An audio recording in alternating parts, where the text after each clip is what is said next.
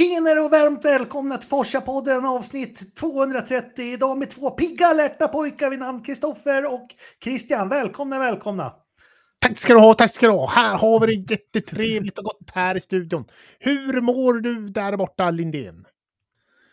Ja, om ni är rädda att er ljudspelare har något fel så hör ni inte fel. Det är de här två som har Piffa Puff har hittat in i studion idag.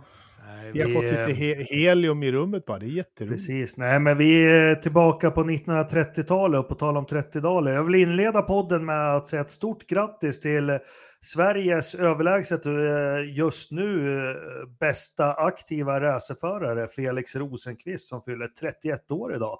Grattis Felix! Grattis Felix! Grattis Felix! Hur tror ni han firar?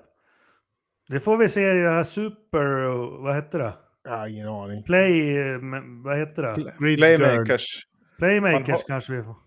Han, är ju, han har ju en ny flickvän så jag också. Ja. Jaha. Ja. ja. Okej. Okay. Var inte så bra att vara med i den där tv-serien kanske. Mm. Nej, eller så, eller så var det väldigt bra, det beror väl på. Hon kanske bytte upp sig. Uh, Ja, ja. Eh, hur ja. som helst, vi är tre stycken idag. Eh, Anders eh, vilar upp sig. Han hade köpt en eh, ny sån här flaska med häxan, så han håller på och polerar mynten där hemma i, i bankvalvet. Då. Eh, Men vi ska väl kunna ta oss igenom det här. Det är lite stiltje på, på motorsportsvärlden just nu, men vi har lite Formel 1 och vi har lite Indycar och, och, och lite allt möjligt att eh, bjuda på. Så eh, vi kör så va? Det tycker jag.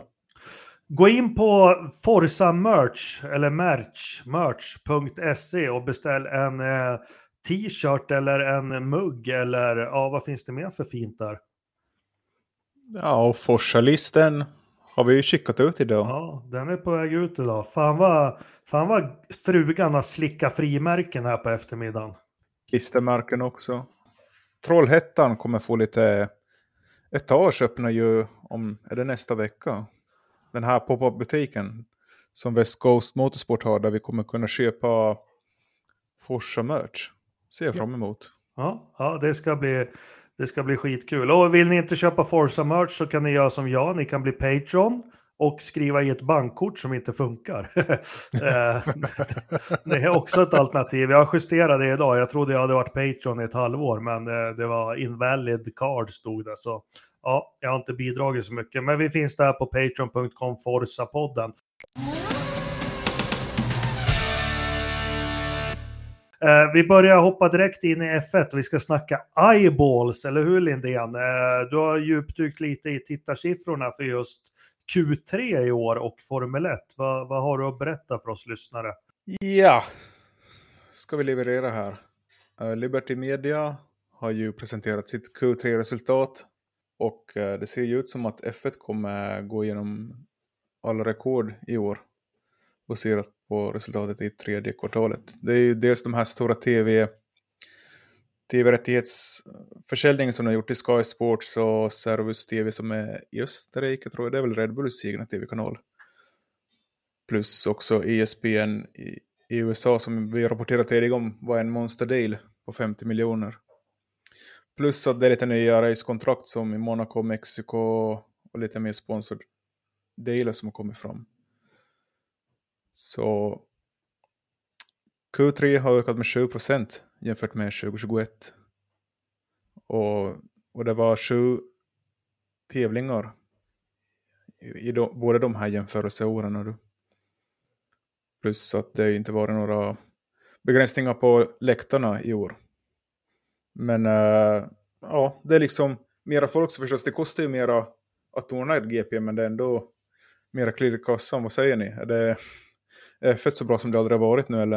Eh, men när vi pratar räckvidd, vet du, som gammal eh, eh, eh, branschkunnig och så, så skulle jag vilja veta mer om demografin och så, vart har man ökat och hur har man ökat och, och vad ser man läckage till och vad tar man ifrån för sporter och sånt. Det är egentligen ökning är jättebra, men det skulle vara jätteintressant att se Eh, främst vad man tar åskådare ifrån.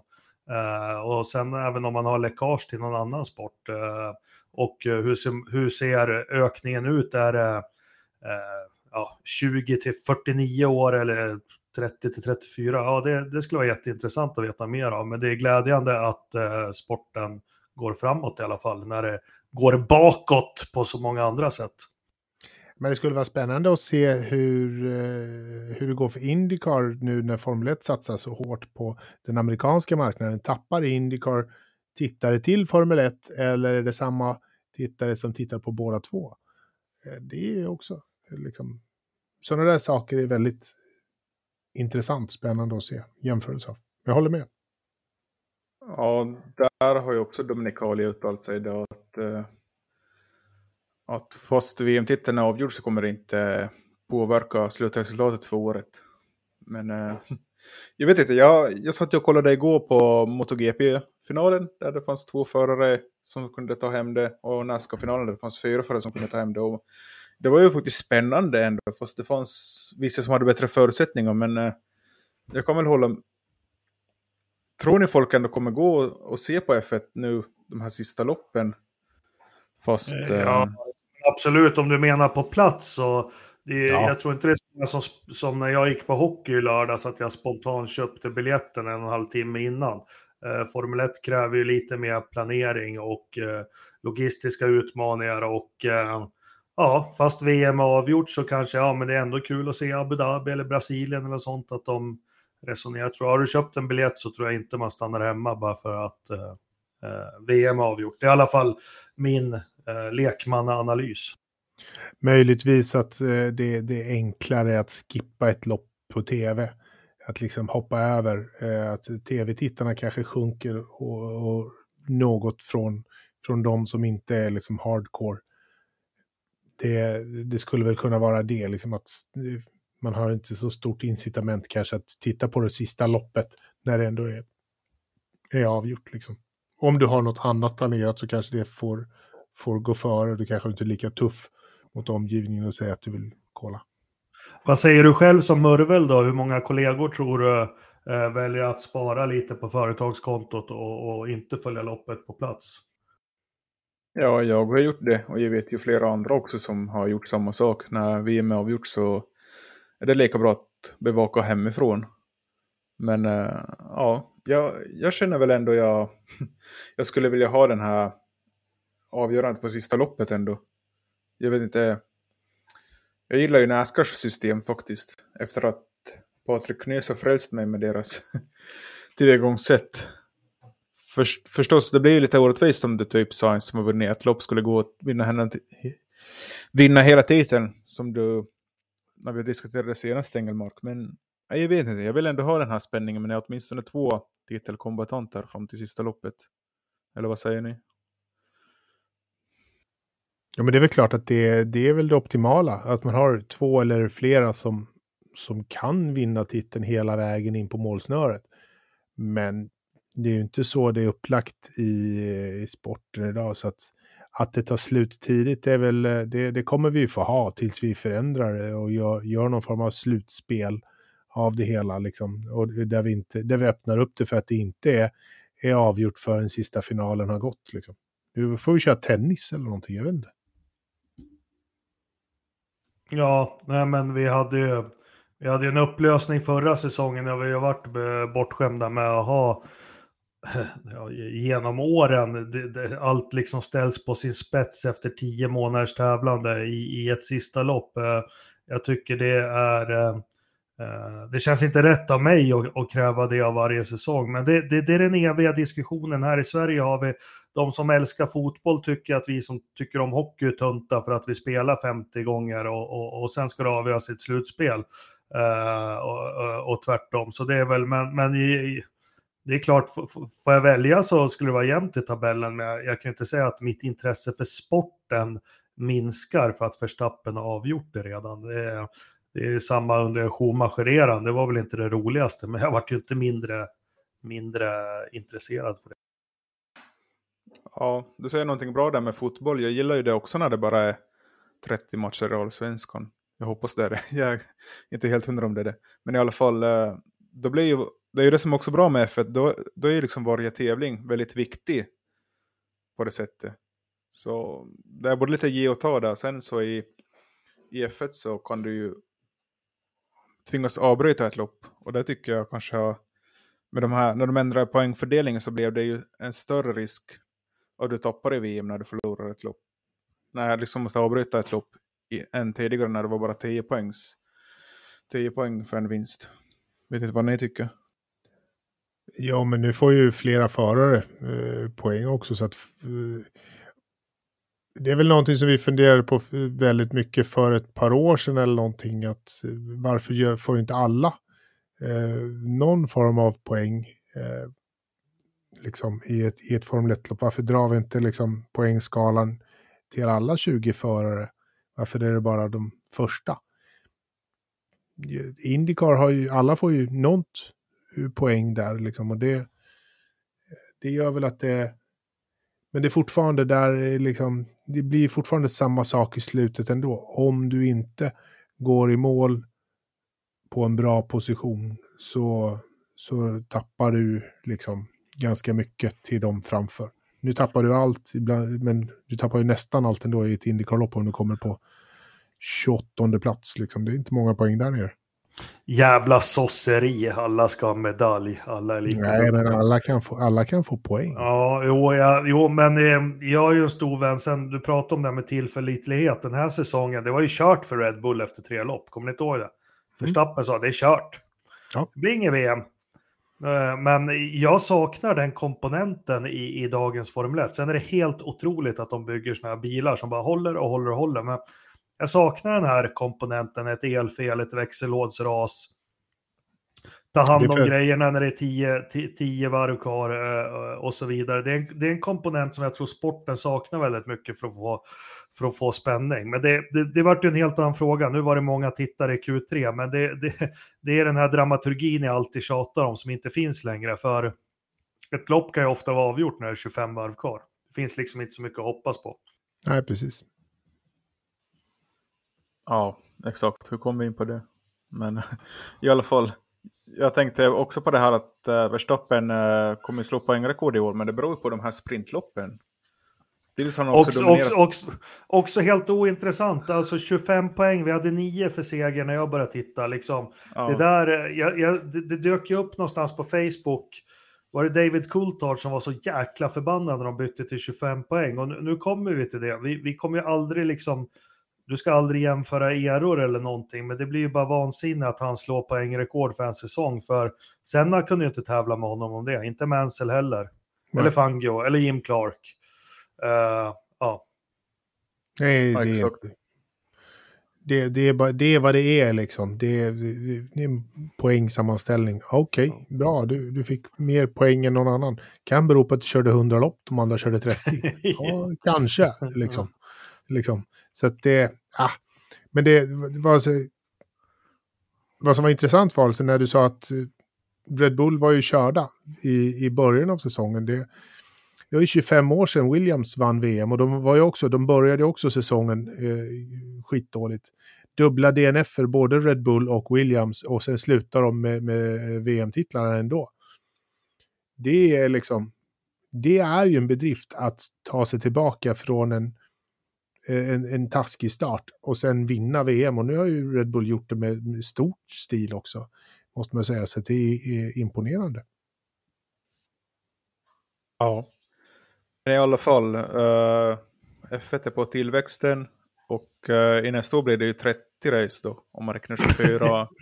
ja. om man räknar...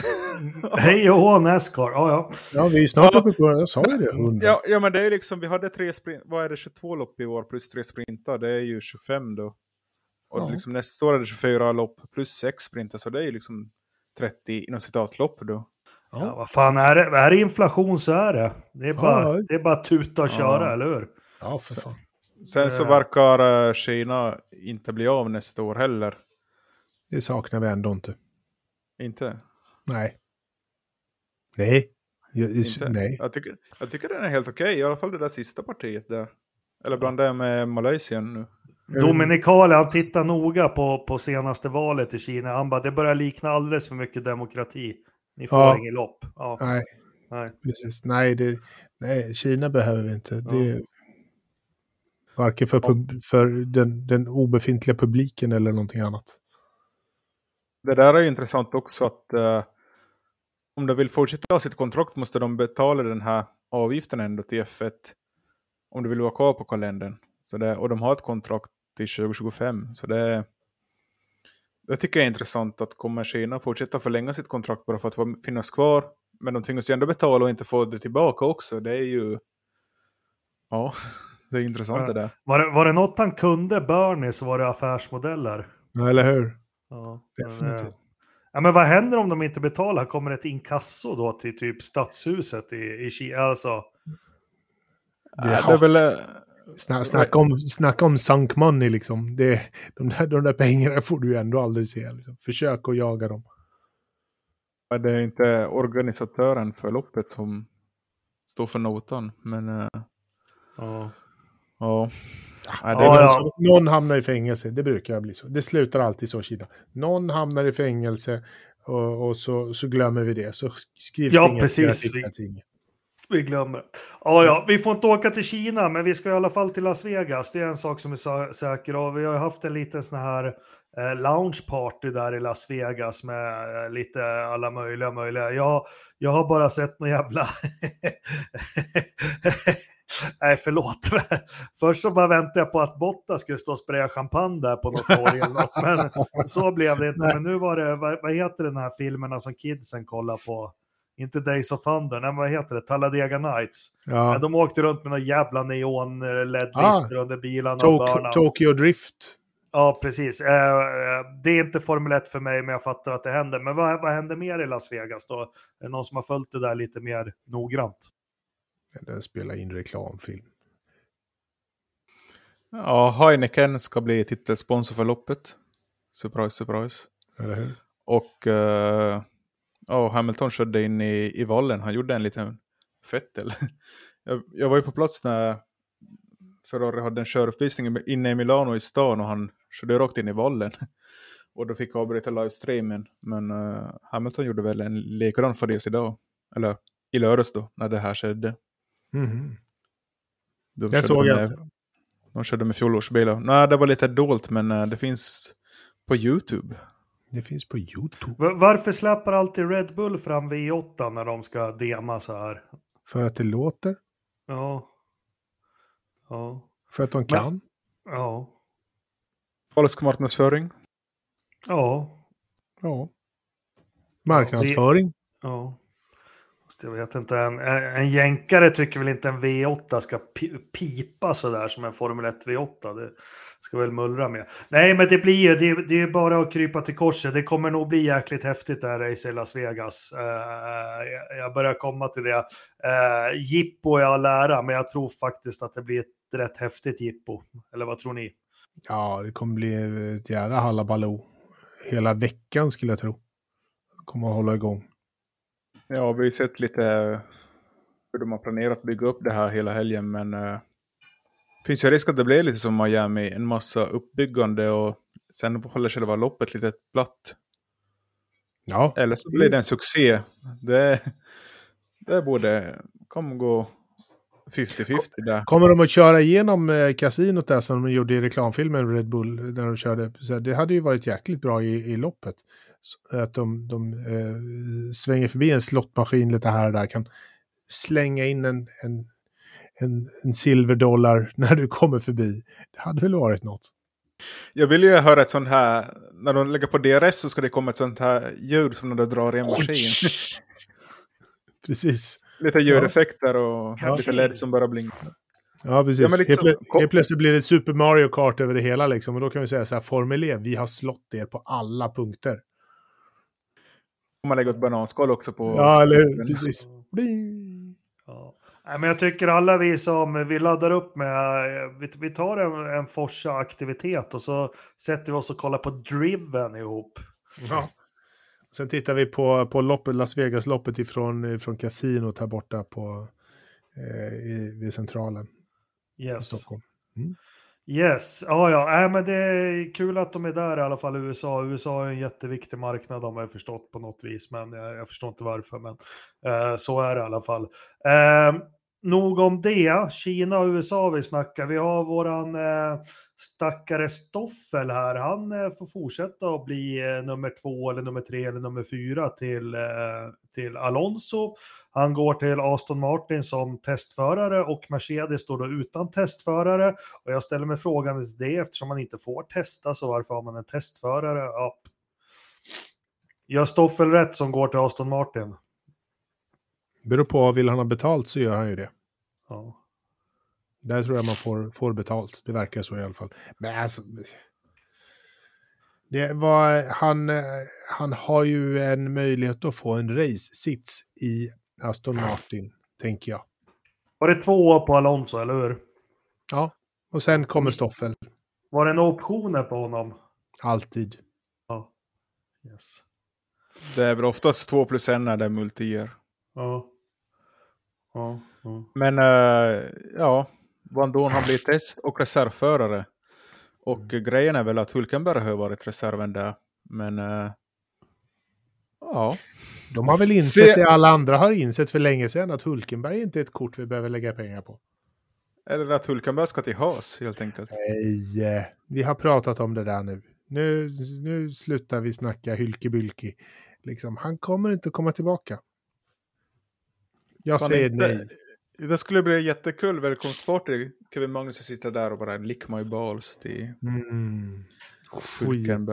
Och jag tror att Günther skulle se fram emot den relationen under en hel säsong. Nej, inte helt. Nej. Nej, men eh, när vi hoppar in på det, när var det, när var det Haas skulle ge besked?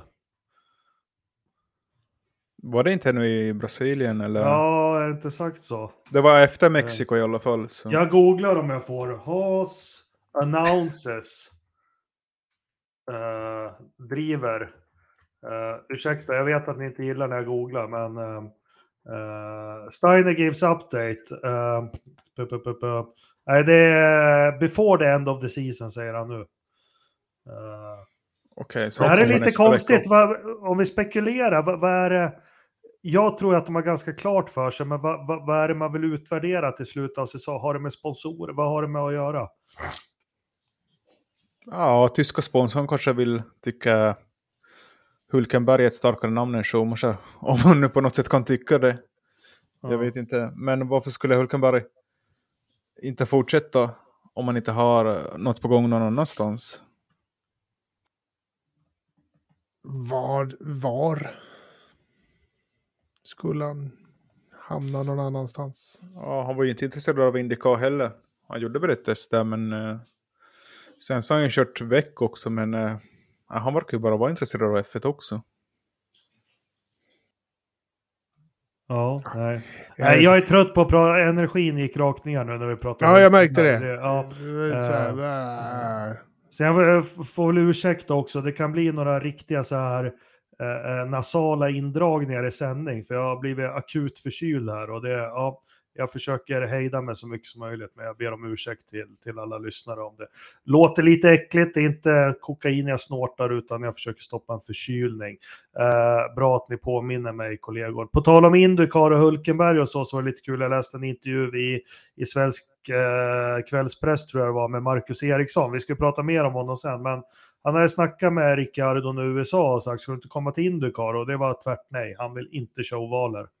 Och man glömmer ofta det när man diskuterar att folk ska gå till Indycar hej och hå. Det är ju det här med, jag, jag fick mig en tankeställare, det här med ovaler är nog inte så jäkla självklart. Jag tror, det, det, jag tror att man som Formel 1-förare ska gå över med full respekt för det. Jag skulle vara livrädd att åka ovaler. Jag hörde den här Nicolas Latifi-intervjun som kom i F1s egna podd Beyond the Grid. Och han tyckte det var lite lustigt när han gick runt i, i Texas, Austins GP, och liksom folk gratulerade honom till hans Indycar-styrning, fast han inte är signad någon ännu. Men eh, han menade också att om han nu går till Indycar så han kommer ju satsa på ovalerna direkt och inte göra en Grosjean eller så här. Att för liksom, det är ju lika bra att svälja hela hela, vad ska vi säga? Liksom hela Kakan pillret. på en gång. Ja, exakt. Ja, jo, men jag håller med och gällande Grosjean så jag, jag tror nog han personligen skulle nog gärna kört ovaler direkt, men jag tror det var lite känsligt efter hans krasch i Abu Dhabi och komma hem till frun att nu ska jag köra 370 i, i, i snitt och så. Men, äh, men jag, jag håller med dig, det är, det är väl en del av att, att racerföra. Vi vet ju vilka problem och hur tveksam Felix var till det här efter han körde Indy Light just med ovaler. Eh, och det är en läroperiod. Och, ja, eh, så, mm. så är det. Men på, på tal om Ricciardo, han håller ju på att prata med, med alla möjliga det här om en testsits då, eh, 2023. Och det eh, jag vet inte om det är bekräftat någonstans, men det är både Mercedes och Red Bull. Vart, vart tror ni han hamnar? Jag tror faktiskt att han hamnar i Mercedes. Eh, även om jag, jag, tycker att det är givet och trevligt att Christian Horner också pratar med, med Ricciardo om sitt staff. För de har nog en, en ganska bra relation har jag fått för mig. Eh, men jag tror att han hamnar i Mercedes ändå. Vad tror du Kristoffer? Jag var ju mer in på Teddy Kravitz-spåret där och Red Bull, men uh, Mercedes står ju utan nu så... Och jag hörde också en intervju med Marcus Eriksson som sa att Ricardo har väl sugen på att komma till Indycar, eller Indy 500 nästa år och se loppet live på plats, men uh, då hade Daniel sagt åt Marcus att, uh, att när han kommer ändå vara involverad i F1 på ett eller annat sätt, så han kan inte komma. Ja. Så det är Ja, det var intressant att höra det. Ja. Men du, när, när, du ändå är inne på, jag vet inte, eh, snackade ni om Ted Kravitz och Sky och Red Bull förra måndagen eller? I podden? Ja. Ja, jo, vi gjorde det. Ja. För det var ju det jag hade glömt att säga. Jag ville ju dra en, ha väldigt högt i tak om det under 20 minuter här, men då skiter vi i det då. det, vi drog en repa om det. Jag vet inte om det finns så mycket mer att säga eh, egentligen. Lyssna på har podden. Ted, har Ted fått sparken, Kristoffer? Nej, varför ska han få sparken? Han är ju en ja. av dragplåstrarna där. Ja, men han har ju kränkt hela organisationen och allting. Eller hur? Katastrofalt. Ja. Nej. Jag är så vansinnigt förbannad på det där så att jag vet inte vad jag ska ta vägen. Men eh, om ni redan har pratat om det så behöver vi inte göra det igen, utan det kan vi göra off-season då. Uh, jag, jag tycker Ted Kravitz är jävligt dryg, men jag hejar på honom i det här. Ja. Ja, ja, ja men uh, ja, Daniel, du var ganska säker på att, eller Kristoffer, du var säker på att Ricciardo hade någonting med F1 att göra eh, efter det som Marcus sa, så vi, vi får se vad, vad det blir. Så Jag tror inte hans karriär gynnas av ett sabbatsår om jag ska vara ärlig, utan uh, ah, han sitter i en jävligt knepig sits, men han har faktiskt han har bäddat för det här helt på egen hand. Mm. Han har nog det. det så är det. Eh, annars Schumacher och Hulkenberg till Haas, det har vi pratat om. Eh, Fettel, han eh, ska auktionera ut sin hjälm. Nej, han ska Eller en plats på sin hjälm. Eller många platser på sin hjälm. han, eh, han ger eh, folk, fansen, får, får möjlighet att, att eh, få sitt foto placerat på, på hans hjälm. Så Lövström funderar på att lägga en mille euro. Det är det alltså. han håller på att putsa ja. sina, sina, sina gamla femöringar på. Liksom. Det är det enda man putsar med häxans gamla kopparmynt. Det, det är det som han håller på med nu eh, och, och, och, försöker hitta en bra bild på, på sin fru. Eh, en, bild, en bild på Lövström kommer ju inte att hamna på Fettels hjälm. Det nej, nej, nej. Kristoffer, har du hört lite mer hur det här ska gå till och vart man kan lägga bud och Finns det någon så kallad sajt upplagd? Ja, det finns det. Jag kan den inte utan till. Det är väl uh, patreon.com slash forsapodden tror jag det var. Just det, vill ni ha er bild på Fettes hjälm så är mycket bra. Ja, men det, det, är väl en, det är väl en kul grej. Jag börjar, jag börjar känna lite så här, jag har aldrig gillat pojken när han var i sin senhet, men det är en sorg som börjar komma över mig att, eh, för han har varit så jävla bjussig senaste åren. På något vis. Ja, Ja, jag, kom, jag kom på en rolig grej. Det här är lite off topic nu, men uh, vi kan ju i Forsa mot Sport Facebookgruppen ordna en insamling så får vi köpa en egen till för Forsa-loggan där. Om alla swishar ett litet bidrag. vad tror ni om det? Ja, vi får väl kolla vad, vad priserna ligger på för att få, få sin bild med där så kan vi dra in Forza-loggan med på det där och se vad, vilken nivå vi pratar. Om det blir liksom en gånger en centimeter eller, Eller hur? gånger tio. Mm. Ja. Eller 100 spänn eller 10 miljoner. Är väl Vi också en kanske ska göra en joint venture med F1 Sweden. Det kanske vi inte ska göra. Nej, eh, skämt åsido. Nej, men det var en bra idé, men jag tror eh, det här kommer nog, ja, det kommer nog kosta en liten slant så att säga det här. ja, vi får väl hålla oss uppdaterade i, till nästa vecka. Vad de Yes. ligger de där platserna på. Yes, yes. Eh, på tal om Fettel, han ska ju... Han slutar köra F1 ja, men han kommer köra på Race of Champions i januari. Han också. Ja, tillsammans med Bottas. Det blev ju klart i förra veckan. Fast han och Bottas kör inte tillsammans. De kör Race of Champions, men de kör inte tillsammans. De är motståndare i Ja, exakt. två... Vad är det? Mick igen, va? Mick och Sebastian eh, Ja. som är lag Tyskland igen. Jag tror Mick ska dit igen. Ja. Jag tror det också. I alla Eh, fall Bottas och Vettel vet jag med 100 procent. Men vänta, ursäkta här nu, den idén du hade Lindén, den var inte dum, för jag, jag hittar här nu, men aktuelles Gebot, det måste vara aktuellt bud på tyska va? Säkert. Ja, så det verkar som att de här platserna går för 60 euro. Ja, men då är 600 det ju... Det är ju inte farligt. Ja. Men Fan, om att jag, det är görbart. Om jag kränger iväg de där listorna som blev över lite snyggt i veckan, då kanske vi...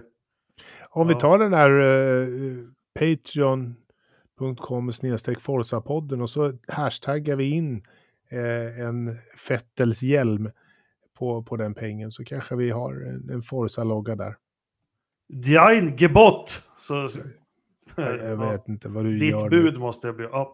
Ja, för, ursäkta, Race och Champions, Bottas och Vettel. Fortsätt, jag ber om ursäkt. Ja, vi var klara. Ja, men jag tycker vi kör på det här. Det är tre timmar kvar, så ni, ni får väl lite snabba här. Och... Ja, vi har, inte ens lagt ut vi har inte ens lagt ut podden här. Det är kanske det största problemet. Eh, nej, men det är väl längre kvar va?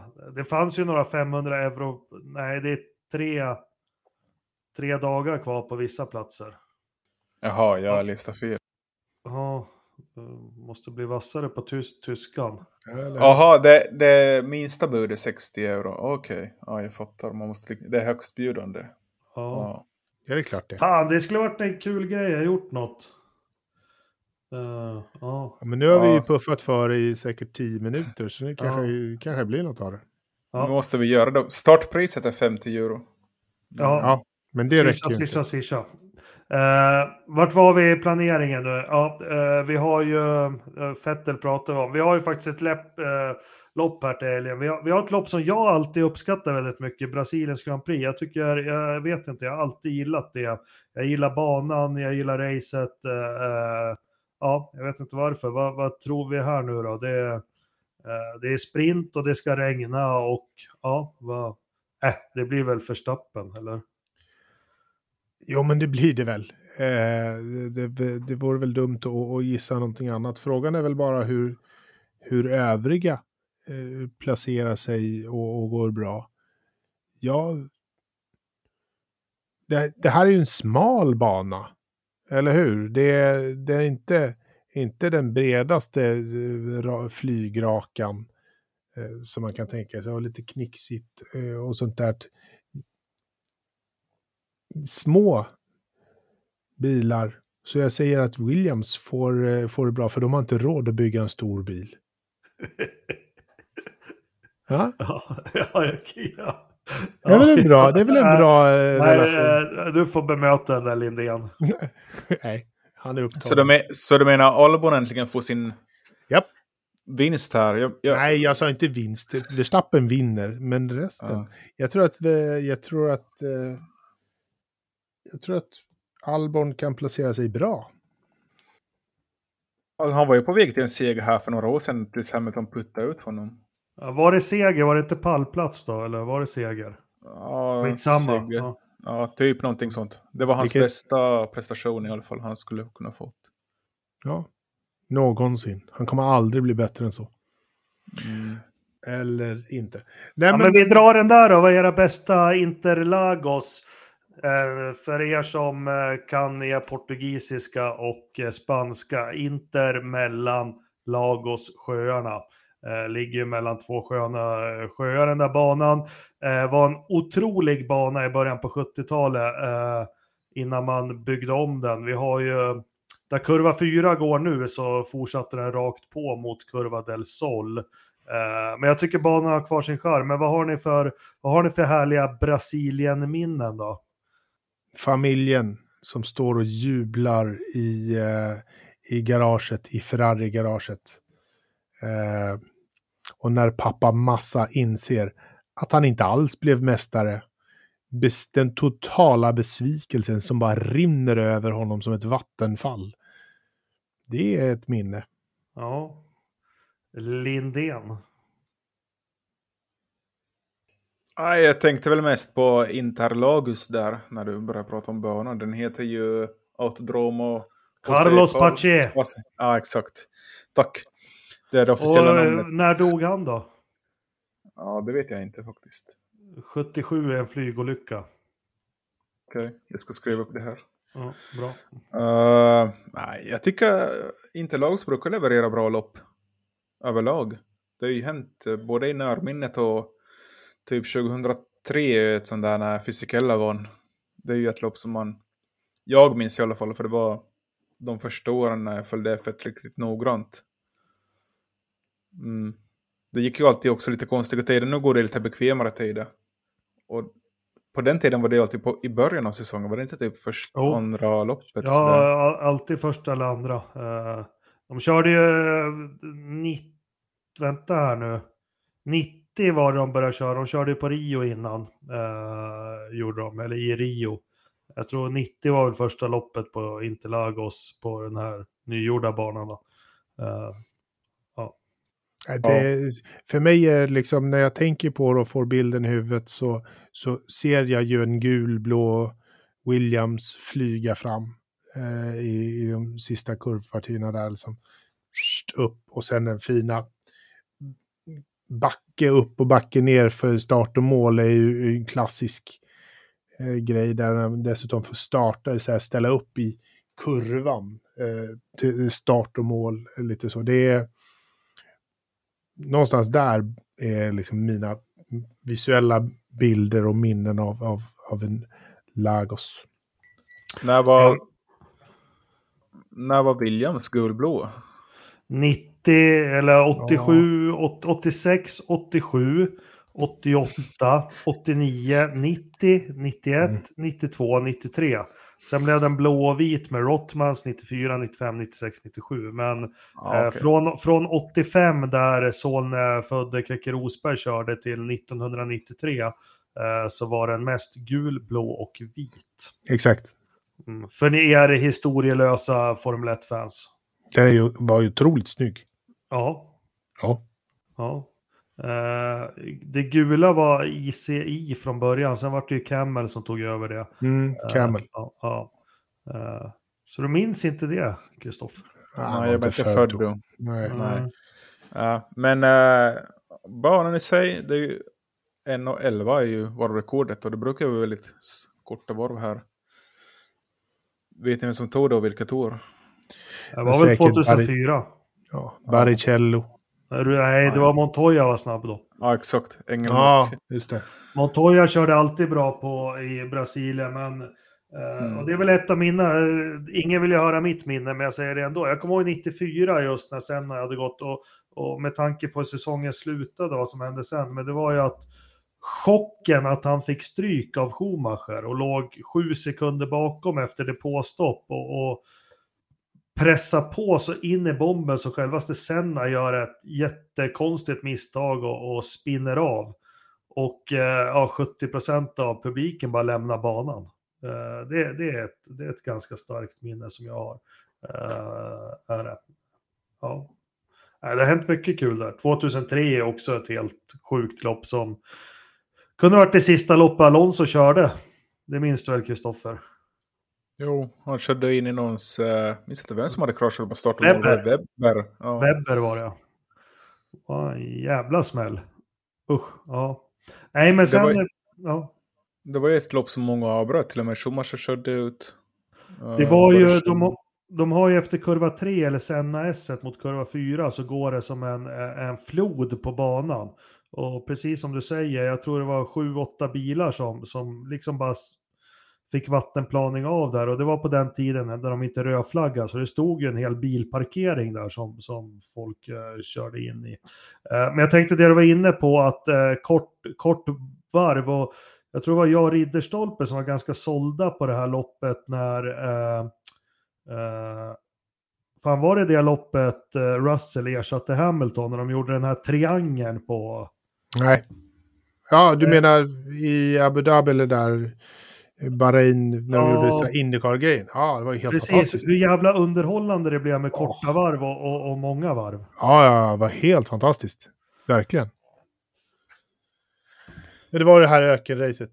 Eh, jag, vet om, jag kommer inte ihåg om det var... Bahrain var det. Bahrain. Bahrain. Bahrain. Ja, precis. Det, det var ju helt fantastiskt roligt. Mm.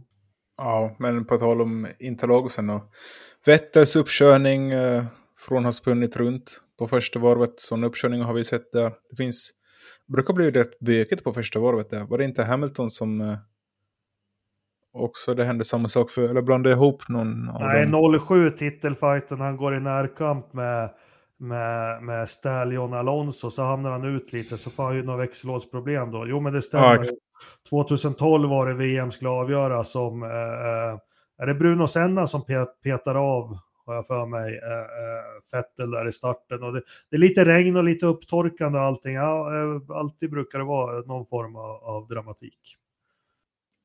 Mm. Yes. Det blir en spännande helg med andra ord. Mycket bra. Ja, ja eh, vi ser bra. fram emot Brasilien och sändningstider och liknande kommer, kommer eh, på Forsa-sidan på Facebook, eller hur? Ja, de är ja. ute redan. Ja, äh, men det är bra. Eh, bra det. Vi har haft lite tråkigheter också. nu får något ta över, jag måste hosta. ja, vi hade ju Mauro Forgeri, Ferrari-designer, yes. som gick mm. bort här för några dagar sedan. Och han jobbade ju mest från 61 till 91. En stor designer och han gjorde allt möjligt. Eh, jag har inte så många minnen av honom, men desto mer har Jakob som är en väldig historiker. Nej, men vi måste ju, vi måste ju i, i tider med 600 ingenjörer på, på clean desk policy-kontor runt om i Storbritannien och eh, CAD-kulor på skrivbord och allting så måste vi faktiskt minnas de som verkligen var sporten. Vi, vi har snackat Colin Chapman, vi har pratat Gordon Murray uh, och, och, och, nu har vi den här uh, oefterhärmliga italienaren som uh, det ska inte bli alltför långrandig, men han var alltså Ferrari. Jag, jag, har inte full koll i huvudet, men jag tror han började kanske som en praktikant eller någonting på 60-talet. Men det är 70-talet som är, som är hans era ihop med Niki Lauda, där, där han liksom Ja, idag har vi någon som sitter och designar en, en, en endplate på en framvinge. Eller de kanske är ett team om åtta personer som sitter med den. Eh, här har vi en kille som gjorde chassi. Han designade och byggde den här jättekända eh, platta Boxer 12 som Ferrari använde både i, i Formel 1 och i sportvagn och överallt. Han gjorde växellådor, alltså han gjorde allting. Eh, Eh, eh, en riktig legend med en eh, bestämd uppfattning om hur bilar skulle sättas upp och så vidare, vilket Niki Lauda har vittnat om i några memoarer. Sådär. Men eh, en sann legend. Eh, och jag tycker Formel 1, nu ger de sig in i USA och allting, de måste bli bättre på att eh, hylla de här gamla hjältarna, inte bara förarna utan alla som är Formel 1. Där, eh, särskilt om de ska slå sig in i USA där man liksom kan, han körde ismaskinen 1953, vi gör en gala den här lördagen bara för honom. Sånt är jättepopulärt. Då. Jag tycker jag tycker Formel 1 måste bli, bli bättre på att minnas och eh, vårda det här arvet, även för sådana yngre målgrupper som du är, Kristoffer, som kanske inte är så intresserade heller, det som har varit. Men jag tycker det är viktigt. Jag måste ju erkänna, jag hade inte hört det här namnet innan det kom upp här i helgen. Men jag har ju läst på under helgen nu. Och du säger att han designade inte bara bilar och motorer, utan i hans fritid som inte var så mycket så gjorde han också möbler till sitt hem och yes. juvel, juveler till sin fru. Och han var lite en blandning mellan en, en galning men ett geni. Han verkar vara väldigt, vad kallas det, kreativ. Mm. På gott och ont. Men eh, en väldigt viktig spelare just de här 40 åren som han var inblandad i F1 då. Det säger ju en del liksom att, att vara inblandad i fyra årtionden i, i sporten. Då har man, har man gjort någonting rätt. Eh, sådär, så att, eh, och han, har ju, han gjorde ju mer än en sak. Eh, väldigt, väldigt bra. Så det var, jag förstår och jag såg att Ferrari eh, faktiskt gjorde en, en liten fin liten hyllning till honom. Så att eh, det finns, finns bra, bra sidor att man minns historiken också. Ja, men det gäller att sätta saker i, i sitt sammanhang också. Vi, vi satt ju och spekulerade som galningar att Red Bull skulle ta över motorerna av Honda och hej och hur ska det här gå med tusen anställda liksom. Och det är inte så långt bakom oss som det var en gubbe som bara nu har jag gjort ett chassi, nu ritar jag en motor och så sätter jag den i en testbänk och, och precis allting. Sen får vi inte glömma att Formel 1 på 60-70-talet, det, det, var inte som det var. Det, det fanns liksom en en, eh, vad ska man säga, en nationalistisk stolthet. Det är faktiskt så Formel 1 börjar, Eh, länder tävlar mot varandra. Men då, då, kunde inte Ferrari hämta en engelsman, en Rory Byrne eller Ross Brawn som ritade bilen, utan det, det, liksom, det var Colin mot, mot Mauro eh, eller ja, Kenturell och så. Det, det fanns en helt annan nationalistisk eh, ingenjörsstolthetstävling på något vis utan att göra några 1930 nazireferenser till Mercedes. Det var inte det jag ville komma till utan eh, det var viktigt att man man satte en stolthet i att det är vårt lands ingenjörer som gör det här. Så ja, en, en, en, en stor man, fin designer och hur han var som människa, ingen aning, har lämnat Formel 1 och jag hoppas att han får den uppmärksamheten han förtjänar både i Italien och i paddocken. Har vi eh, pratat det som finns att prata om när vi pratar Formel 1 för den här podden?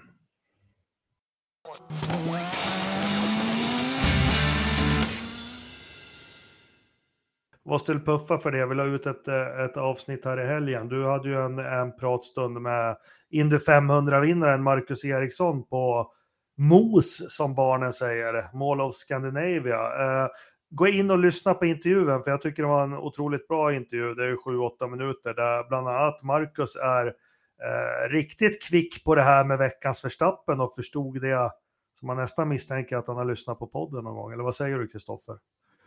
Ja, jo, det fanns ju lite post-production på den intervjun måste jag erkänna. Men eh, det var kul, vi fick eh en liten pratstund där innan han skulle möta alla fans som var på plats i Mall Scandinavia.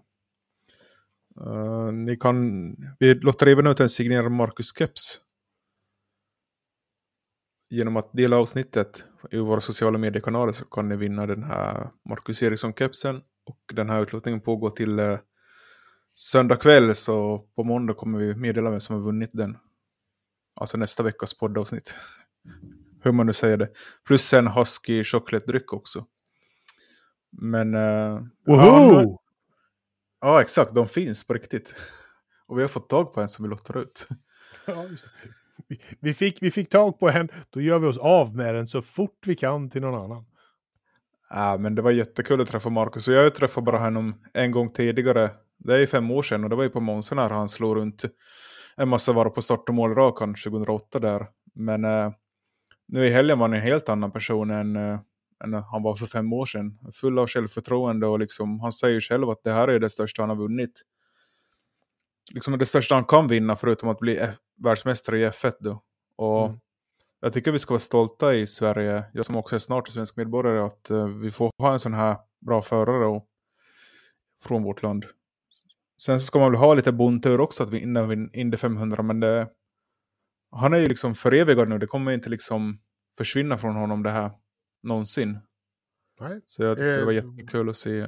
Once a champ, always a champ, eh, säger de. Och det var väl, han gjorde väl allting rätt där i slutet. Det är det som gäller. Man ska hänga med i slutet på en Indy 500-lopp. Eh, och så ska man ha det lilla bondrötan i, i de sista varven naturligtvis också. Det, han gjorde ju det bra. Så att det finns ingen, absolut ingen skugga på hans vis. Fullt värdig eh, Indy 500-vinnare, inget annat sagt om, om det. Och det är riktigt coolt också att han fick med sig den här gigantiska trofén till, till Sverige. Den har ju knappt lämnat eh, USA under sina hundra år. Så att det, jag tycker det var jättehäftigt att den faktiskt kom till Sverige absolut, den var ingen liten pjäs heller.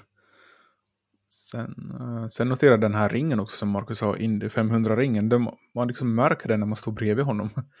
Det är liksom som en, jag vet inte vad man ska jämföra med, nästan som en biljardboll som man har på ringen. Ja, det, det där är någonting som de är väldigt bra på i, i, USA. Det är de här ringarna som när du vinner någonting, då vinner du en ring. Alltså Stanley Cup-ringar, de är ju stora som en hockeypuck. Liksom. Eh, och det, det, ska du gå runt med fem stycken på, på, på handen så här. Det, ja. ja jag, vet inte vad, jag vet inte vad det kommer ifrån i och för sig. Jag har faktiskt ingen aning om var det här med ringarna kommer ifrån. Men det är någon grej de har. Ja, och sen igår var den på Kumla torg. 8000 fans hade samlats för att träffa mm. Marcus Eriksson och hylla honom. Så om det inte var mycket folk på Mall of Scandinavia så var det ju mycket där i alla fall. Ja, och jag såg Peter Forsberg, Henrik Lundqvist, Kenny Bräck sände videohälsningar. Så ja, äntligen fick Marcus sin plats som han har förtjänat. Tycker jag i alla fall. Och ja, men såklart han har gjort det. Såklart han har gjort det och som ni säger, ja, bontur att vinna Indy 500. Men det krävs ganska mycket för att, för att eh, hamna i den bilen som ska ha lite bontur sista varven där. Det är liksom ingenting som bara händer på en timme utan ehm, eh, eh, en, en, riktig svensk knegare, idogt, håll, idogt hållit käften, knutit näven i fickan och gått vidare hela tiden. Får man säga så? Ja, men det har han väl. Det är, sammanfattar inte det ganska mycket av, av hur vi har sett på hans, de sista åren av, av hans motorsportskarriär. Liksom, det har inte varit guld och gröna skogar direkt i, i, Formel 1, utan det har varit ett ständigt kämpande. Ja, tycker jag. Ja, och det är ju alltid det här att i motorsporten så det bedöms ju individuellt fast det är ju ändå stallet som levererar materialet du ska prestera med. Och, och han sa ju också det i intervjun att Eje kanske ibland han och andra som har satsat på Marcus och sponsor, sponsrat honom och liksom hjälpt honom fram att har vi satsat på rätt kille och det här och, och just den här vinsten blir ju på något sätt ett slags eh, en belöning för alla som har trott på honom. Lite, pay, lite, payback time eh, till dem. Liksom. Nu, nu fick de tillbaka på insatsen som de, de satte för, för 15 år sedan. Här, varsågoda, ja. ni satsade på, på en Indy 500-vinnare. Exakt, exakt. Ja. ja, det är väl bra.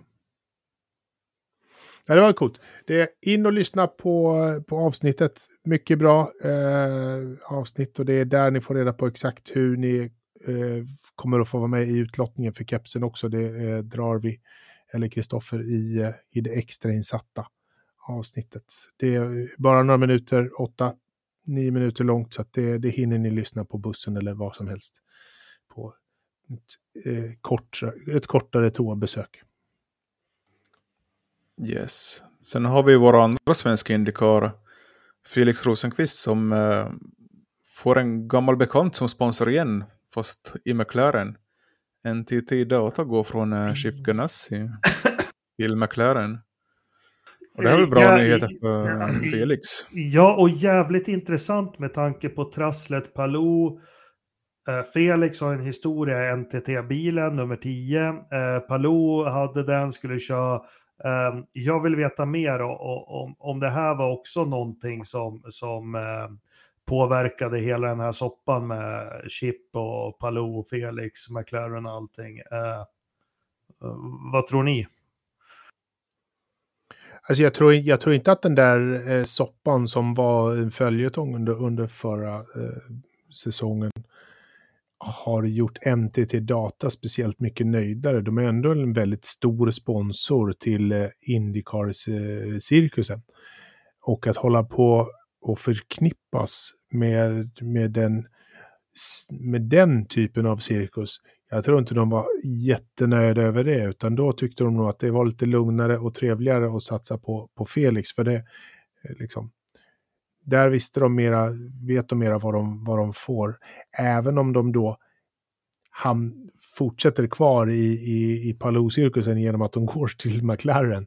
Men, men jag tror inte att det var ett, ett, ett fördelaktigt, en fördelaktig tid för dem eh, när det var som värst. Nu kommer jag bara med spekulation här, men kanske det var meningen att NTT skulle gå med Palou till McLaren Kanske. nästa år. Kanske. Vad tror ni Det kanske, det kanske redan var klart. Det också. Ja. Och sen, eh, för det ändrades ju ganska sent att Palou stannade kvar. Det var ju inte, det, det tog ju ganska lång tid innan, innan det annonserades ut. Så att ja. Ingen aning. Ja, får han köra blå bil igen nu då? Nej, får han inte göra. Nej. Nej. Han kör en svart och orange. Mm. Ja. Jag har ingen aning. Ja, Jakob, vi får jag väl se. Det kommer väl vara en sån här fin lounge med alla McLaren-förare. Alla... Ja, eller hur? Den, den gav ju så jättemycket bang för the buck senast. Jag vet inte. Det var väl en halvflopp, var det inte? ja. Nej, men det är väl bara positivt att de får en, en stor sponsor till det där stallet till då, så eh, eh, superbra. Vi har ju någon som lämnar Indycar, vem är det då? Jimmy JJ Johnson. Gud vad vi kommer sakna honom i Indycar nästa år. Alltså vi kommer ju inte ha någonting att prata om när JJ inte får snurra på raksträckor hit och dit. Helt plötsligt ofelbart bara fush, och, och plocka med sig någon annan förare. Eh, nej men han går ju tillbaka, han flyttar ju hem igen. Han, blir, han köper in sig i ett stall och ska köra deltid åtminstone i eh, Nascar från och med 2023 och framåt. Ja, det var väl inte bara Nascar. Han skulle väl köra Le Mans, han skulle köra Veck och Imsa och allt möjligt. Han verkar... han blev ju aldrig gammal den här 47-åringen. Jo, Men, han, eh, har varit, han har varit gammal tidigare. Men ja. Ska jag köra väck och allt? Alltså, Ja, jag vet inte. Han verkar liksom... Ja. Men det är väl bra han eh, tackar för Indycar ändå. Eller? ja, det är helt okej. Ja, det, ja, faktiskt. Jag vet inte. Det, han var ju bara där för att eh, han hade en bra sponsor med sig. Och det, han var ett household name i en helt annan nivå än vad en Indycar-förare någonsin har varit i, i USA. Så att en, en sjufaldig Nascar-vinnare, var sju, eh, Mm. tror jag. Han, han, han är ju känd på riktigt eh, i, i USA. Jag tror inte, jag tror inte, jag tror inte så många känner till Marco Andretti, tyvärr. Ja, exakt. Det här är lite som att... Eh, nu drar jag väldigt stora para- paralleller här, men... Som att Hamilton skulle gå till Indycar eller Nascar. Ja. sätt. Ungefär den storleken. Ja, men lite så är det ju. Det. Han är ju en, en, en Hamilton från Nascar-bilen liksom. Så är det. Exakt, det jag menar. Ja. Men ja, ja. Tack Jimmy för din tid i Indycar. Men uh, tror du passar bättre i Nascar. Mina damer och herrar, glöm inte att gå in på forsamerch.se och köp en mugg. Det är den perfekta morgonkaffemuggen. Jag har testat många. Den är dessutom snygg att titta på. Och eh, vill ni fira en nära eller kär som fyller år så gör Kristoffer säkert videohälsningar för 50 kronor också. Nej, jag, jag tänkte... Så Ja, sena, det- sena kroppen, det är grattis och sådana grejer va? Ja, ja, exakt. Det är ju första på söndag. Jag tänkte det är ju en perfekt förstagsgåva den här. Lite Forsa-merch. Absolut, det är jättebra. Så alla, alla, alla kvinnor eh, som går in och lyssnar på det här, gå in och, och, och köp det här till eh, eh, så. Eller alla pappor, ni har gjort det förtjänt av en sån här. Jag tycker veckans Verstappen-tröja bör alla ha. ja. Ja, det bör Ja. faktiskt alla ha. Marcus Eriksson fick ju också en veckans Verstappen-tröja. Mm. Den var ju... Han gillar den. Han kommer ta, ha på sig den varje dag. Sa han. Jag tror fasiken det är så snygg som den är. Ja, nej, vi får väl se. Så länge, ja. Men han fick den i alla fall. Så det är kul. Ja. Han uppskattar den. Så ni kommer uppskatta den lika mycket. Den är Mackan approved. Om vi säger så. Yes, men ska vi kila över till övrig motorsport då?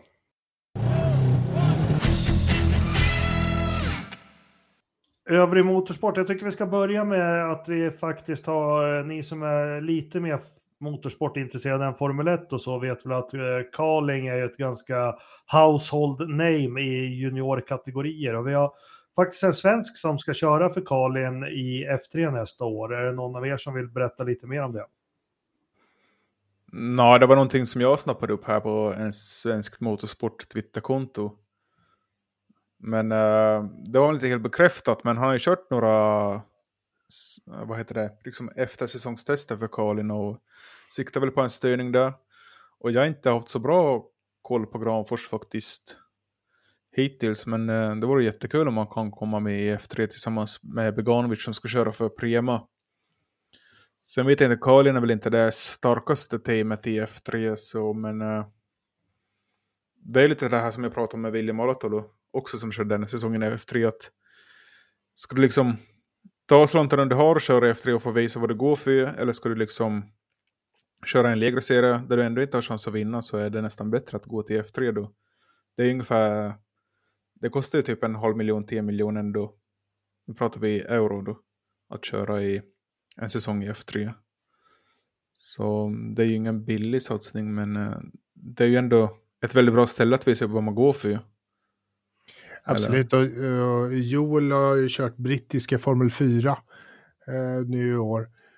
Och det är väl liksom, det är väl toppen om han får, eh, får ta klivet upp till Formel 3. Då är det garanterat givet att han ska göra det. Det tycker jag definitivt självklart. Även om man, alla kan ju inte köra Prema. Eh, liksom, eller, eller så. Eh, och, och Carlin, det är ju som, som Jakob började med att säga, så här, det här är ju ett, lite grann ett, ett namn som har funnits med under, under lång tid som, som man nog inte ska eh, skämmas över att få en styrning för, för Karlin. Det är väl helt okej, skulle jag säga. Ja. Sen är det lite som, eh, som William också sa i sin intervju. Att, eh, eller han sa det inte i en intervju, men jag har fått höra efteråt att eh, Jennifer vill väl ha kvar honom, men han vill väl köra för ett annat stall. Men eh, han vet inte om han har slantarna till ett annat stall också, så det är det här som är lite svårt i F3. Ska du liksom vaska då dina, inom citat, bara vara kvar i F3 en säsong till, eller ska man gå till någon annan serie, eller? Omöjligt ju- att svara på. Ja, det är det här som är så svårt med de här supportklasserna när det är så dyrt att köra och man vill ha resultat direkt och ja. Då kommer du liksom på en trettonde plats i, i totaltabellen efter en säsong och du har betalat en miljon för det. Var det liksom värt det eller? Nej, ja, bra fråga. Vet inte. Det beror ju lite på liksom vad, vad alternativet är. Vilken annan serie skulle du kunna köra i som skulle kunna vara var liksom bättre, eh, både kvalitetsmässigt och ståndsmässigt, än, en Formel 3? Bara för då måste du ändå upp i eh, kanske om du lyckas få en styrning i superformula, det skulle ju vara liksom, eh, grymt om du väljer det framför eh, ett Formel 2-kontrakt kanske. Men eh, annars så vet jag inte. Det är därför som det har blivit väldigt mycket jakt på Formel 2 F2-förare nu till, till Indycar-stallen. De har ju verkligen börjat scouta F2-förare för att de, de har ju sett hur enormt svårt det är för F2-förare att ta steget in i Formel 1. Och det finns enormt mycket talang i Formel 2 som du kan skola om till bli en duktig ovalförare också. Kolla på, på danska eh, förare som verkar köra skiten ur alla amerikaner just nu.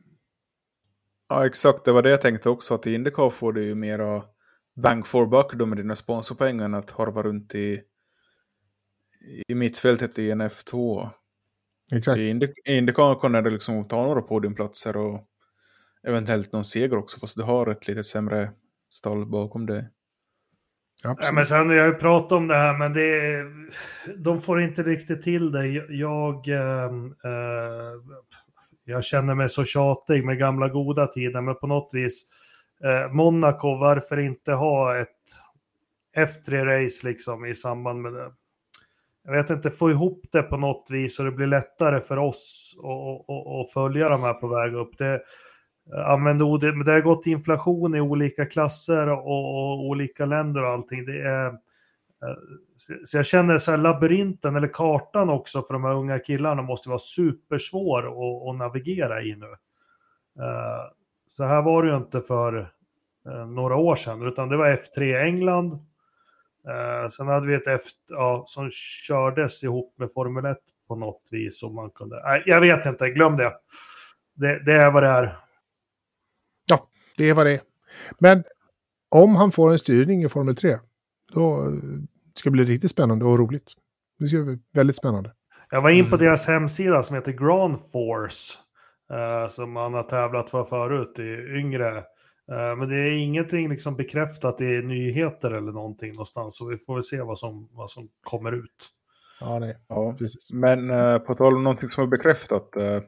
Dennis Hauger som vann F3 förra året blir det väl. Ja, hade ju inte en så lyckad F2-säsong, men han kommer bytesstall från Prema till MP Motorsport som vann ju i år med Filipe Drugovic. Så det borde väl gått för honom. Första F2-föraren blir bekräftad för nästa år redan. Red Bull Junior. Ja. Kanske Red Bull har sett att uh, den här Drugovic gick det väldigt lätt för. Så vi, vi sätter vår häst i samma, samma bås. Så ser vi hur det går. På en helt annan eh, sida av eh, pölen, som de kallar den, har ju dessutom Penske gjort någonting som de aldrig har lyckats med förut. Nämligen att för första gången så har de både vunnit Indycar-titel och Nascar-titel samma år. Och det här är väl någonting som Penske har försökt med åtminstone i 30 års tid eh, som de har eh, kört de här serierna och aldrig tidigare eh, fått ihop det. Så det är faktiskt lite grann eh, ett, ett firande sker väl kanske bäst in, internt i teamet antar jag. Det är inte så många andra som, som säger att oh vad roligt. Men det är ändå en bedrift måste man väl säga från, från ett sånt enormt stort stall som de faktiskt är. Det är intressant att man kan operera på så hög nivå i två olika serier samtidigt, helt klart. Det är imponerande. Ja, Joe Logano vann då. Han vann inte själva loppet, det var hans stallkamrat som vann loppet. Men eh, jag gillade den Ross Chastain som med den här dunderomkörningen tog sig in till Final Four och han kom ändå, han blev som vice champion som det kallas. Han kom ju två positioner bakom Logano i mål och var väldigt nära på att vinna det här.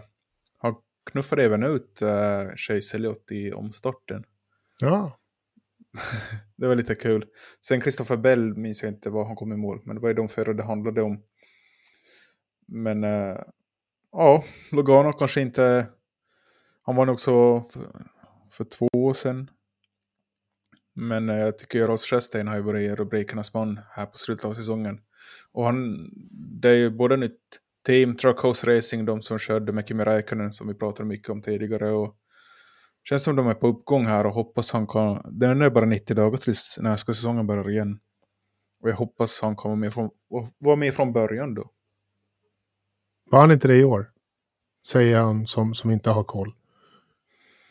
Ja, han var väl bra, men han vann ju sista slugen bara två lopp. Men han, mm. han, han, han, var ju med i de här kritiska ögonblicken för att ta sig ner i topp fyra. Mm. Ja, nej, han gjorde ju han gjorde årets kurva. Eh, kan man ju lugnt säga. Och Nascar-säsongen har ju haft, eh, med det nya reglementet, de har ju haft mest... Eh, det är rekord i antal olika vinnare under en säsong och de har ju ändå mm. 40 lopp då. Mm. Så det är väl ett gott betyg ändå. Ja. På en serie som vi följer sådär, lagom mycket. Nej, men när man ser, alltså så här, jag, jag kan säga så här, jag följer inte slaviskt i, i Nascar, men när jag väl ser ett lopp så tycker jag ändå att det är, är underhållande och, och liksom spännande. Absolut, så att jag får ju allt, nästan alltid känslan att det här skulle jag ju kunna följa lite närmare, men sen, sen kommer Nej, livet. Men sen, den där jäkla knös som kommer och våldgästar oss ibland har ju haft en inverkan. Och, och det är inte Mm. så att jag ställer klockan för att se att man halkar in i det. Men sen jag, jag börjar ju tycka att historiken i Nascar är sjukt kul. Och, och, och sen såg jag någon YouTube-kanal och så de förklarar bra. Men jäklar vad de har strypt de där bilarna. Eh, Är det så? Ja, ja, var 1987, vad, vad gick de då? 360 km i timmen var snittfarten på, på Daytona eller något sånt. Och nu går de typ 290, så nej, det, det, var- det var en muskelsport för 30-40 år sedan. Men det här, det här får Knös stå till svars Ja. för. Eh, för det vart en liten sån diskussion på, på forumet också, såg jag. Ja, spännande. Jaha, har vi något mer övrig motorsport eller ska vi, ska vi eh, skjuta in oss på veckans förstappen då? with this fucking shit show. Honestly, fuck's sake, dickheads. Jag är på osedvanligt gott humör idag, men eh, eftersom jag inte fick vara med i måndags så vill jag pratar om det så eh, lipsillarna i Red Bull, vilka jävla töntar. Eh, eh, kommer aldrig hålla på det stallet någonsin. Inte ens om Alonso kör där. Vilket är bara en tidsfråga innan han gör. Precis, men ja. Nej, han har faktiskt, han har faktiskt, eh, de ville ju ha honom där, var det 08, 09, men han Ja, sa väl så här, jag kan inte köra för någon jävla läsktillverkare, så ja, smart, smart som han är. Men, eh, nej, men eh, jag tänker lite på dig, Kristoffer, liksom med den maktställningen, de liksom försöka gå in och påverka journalister eller vem som helst och göra sitt jobb, det är för jävligt. Det är, uh, uh, uh. ja, nästa. Ja, det är väl en bra förstappen. Eh, Jag vet inte vad, vilken förstappen man kan ha den här veckan, eh, ärligt talat. Jag har en. Har, har du en? Ja. Ja. Ja, Jag kollade ju alla de här Marcus Eriksson-intervjuerna i SVT, Nyhetsmorgon och allting. Och så skrev man rallykärnan Marcus Ja, Eriksson. Fan vad dåligt. Det var lite... Pinsamt. Ja, det är nog värd en veckans Verstappen. Ja, Att man inte då- har så bra koll, att det är skillnad på en rallybil och en formelbil. Nej. Det är, man, man skäms. Eh, och Marcus vägnar så ber vi om ursäkt. Faktiskt. Det var jävligt. Ja, men det var ju den här jävla drömmen jag skrev till som så här, just nu på Expressen att loppet Ja. avbröts. Så jag, jag skickar fem mejl till honom och bara bett honom vilket lopp var det som avbröts. Jag är nyfiken, han har fortfarande inte svarat. Nej. Nej, veckans förstappen får väl bli... Uh... Ja, jag gillade ju din intervju med, med Marcus som jag har eh, pratat om tidigare här under kvällen. Och, och jag måste ju säga att jag dessutom verkligen gillar hans förstappen. Uh, eh, för den har jag också känt att den, den, den, den håller. Så att jag, jag håller med Marcus. Utan att för den sakens skull nämna min förstappen. Utan den får ni själva lyssna på i vårt avsnitt med Marcus. Och så kan jag bara säga att jag har exakt samma. Ja, Löfström brukar ju också dra den Verstappen. Så han skulle Ja. vara glad. Eller han är Han- väl glad. Jag tror att han är glad. Där han sitter med sin lilla burk med häxan och sina gamla kopparmynt, femöringar och putsar och tror att han är jätterik. Har han en putstrasa eller är det en gammal t-shirt tro? Det är, en gammal, det är ett gammalt lakan från mormor. Ja, Han har rivit sönder i bitar. Ja. Mm. Ja. Vi tänker på det Anders. På, på så många sätt. Ja, vi har stora nyheter från Grövelsjön, så fram med jingeln.